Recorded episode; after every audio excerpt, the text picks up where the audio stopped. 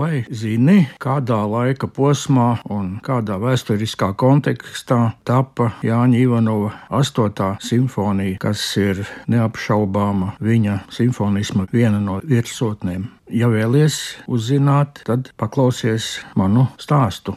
Uz Rīgas dzelzceļa stacijas perona parādījušies dīvaini, neredzēti ļaudis pelēkām, izdzisušām sejām, izkritušiem matiem un zobiem, skrandainās drēbēs, ubagu nešļavām plecos. Kas viņi tādi, no kurienes? Bet patiesībā jau visiem skaidrs. Tie ir viņi, izdzīvojušie, kuri no izsūtījuma vietām no atgriežas mājās. 1956. gada februārī notiek padomju kompartijas 20. kongress, no kura tribīnes Nikita Hruščovs paziņo, Pārāk ilgi Staļina personības kults kropļojas padomu ļaužu dzīvi, postījis ģimenes, izdzēsis miljoniem dzīvību. Tādēļ rehabilitējami it visi, kuri tikuši nepatiesi apvainoti nodarījumos un varmācīgi atrauti no savu māju pavārdiem. Valstī un sabiedrībā sākas process, kas iecerēts kā liela mēroga pašatīrīšanās katarse. Tas iegūst apzīmējumu atkusnis. Jau gadu pirms pasludinātā atkušņa Rīgas teātris publiku savā varā ņēmusi Karaļa līra izrāde Krievu drāmas teātrī ar izcilo Jūriju Jurovski titullomā. Izrādi saviņots noskatās arī Jānis Ivanovs, pēc kam meklē un pārlasa visas pieejamās Šekspīra traģēdijas. Nereti Šekspīra ģēnijs liek dziļām atklāsmēm izskanēt no savu otrā plāna varoņu mutēm, pēc tam šķietami absurdi, groteski. Tā notiek arī ar līra ākstu, kad tas savā vīzē didaktiski pauž. Ņem nost savu roku, kad liels rats ripo no kalna lejā, lai tas tev kaklu nelaustu, kad tu viņam seko. Bet, kad lielais rats tiecas kalnā uz augšu, tad ieķeries un liec pats sevi vilkt līdzi. Jānis Ivanovs pēc savas iedabas nav disidents, nelien lielajam ratam spieķos, drīzāk piesardzīgs, sliecas uz kompromisiem, tad skaidri nenovēršams rata pārsvars. Bet, kad atmoda pārņēmusi visu sabiedrību no zemākajiem līdz pat augstākajiem slāņiem, viņš gatavs traukties līdzi un dot savu ārtavu pavasara plauksmei.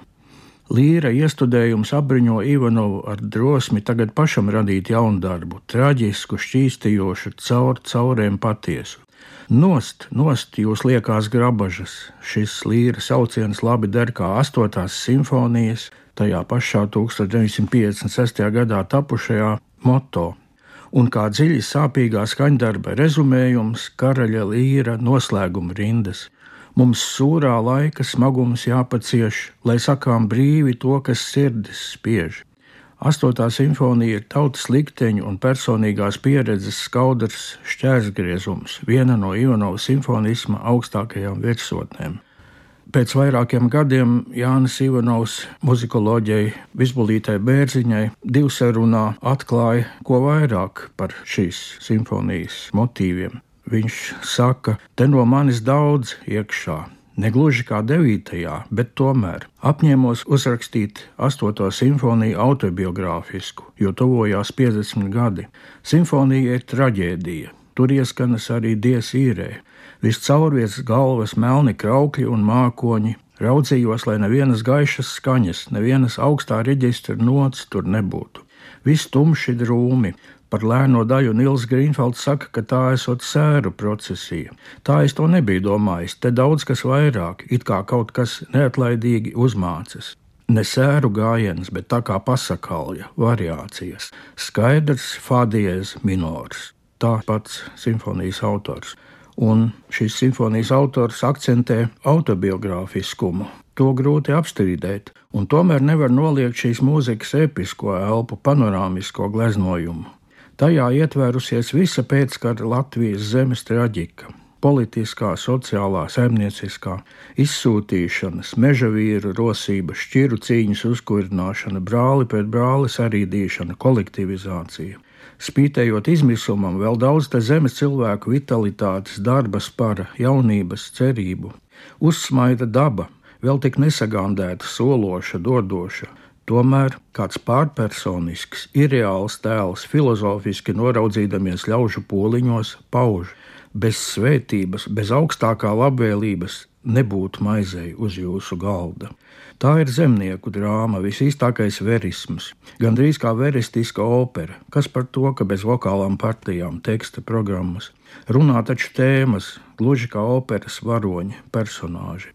Te nav nekāda izskaistinājuma vai pašvērtīgu amata prasmu demonstrēšanas. Orķestris skan tīri klasicistiski, gandrīz pat elementāri, taču spilgti, kaismīgi, dzeloši, pirmotnīgi spēcīgi. Astotās simfonijas pirmatskaņojums notiek 1956. gada 9. oktobrī Leonīda Vīgnera vadībā. Šis ir Jāņa Ivano 50 gadu jubilejas koncerts, kura programmā pēc ilga pārtraukuma izskan arī 4. simfonija Atlantīda. Bet 1958. gadā Arvīts Jansons diriģēja 8. simfoniju festivālā Prāgas pavasaris. Toreiz Jansons pie čehu simfoniķu diriģenta pults esot aizvietojis Karelu Ančerlu.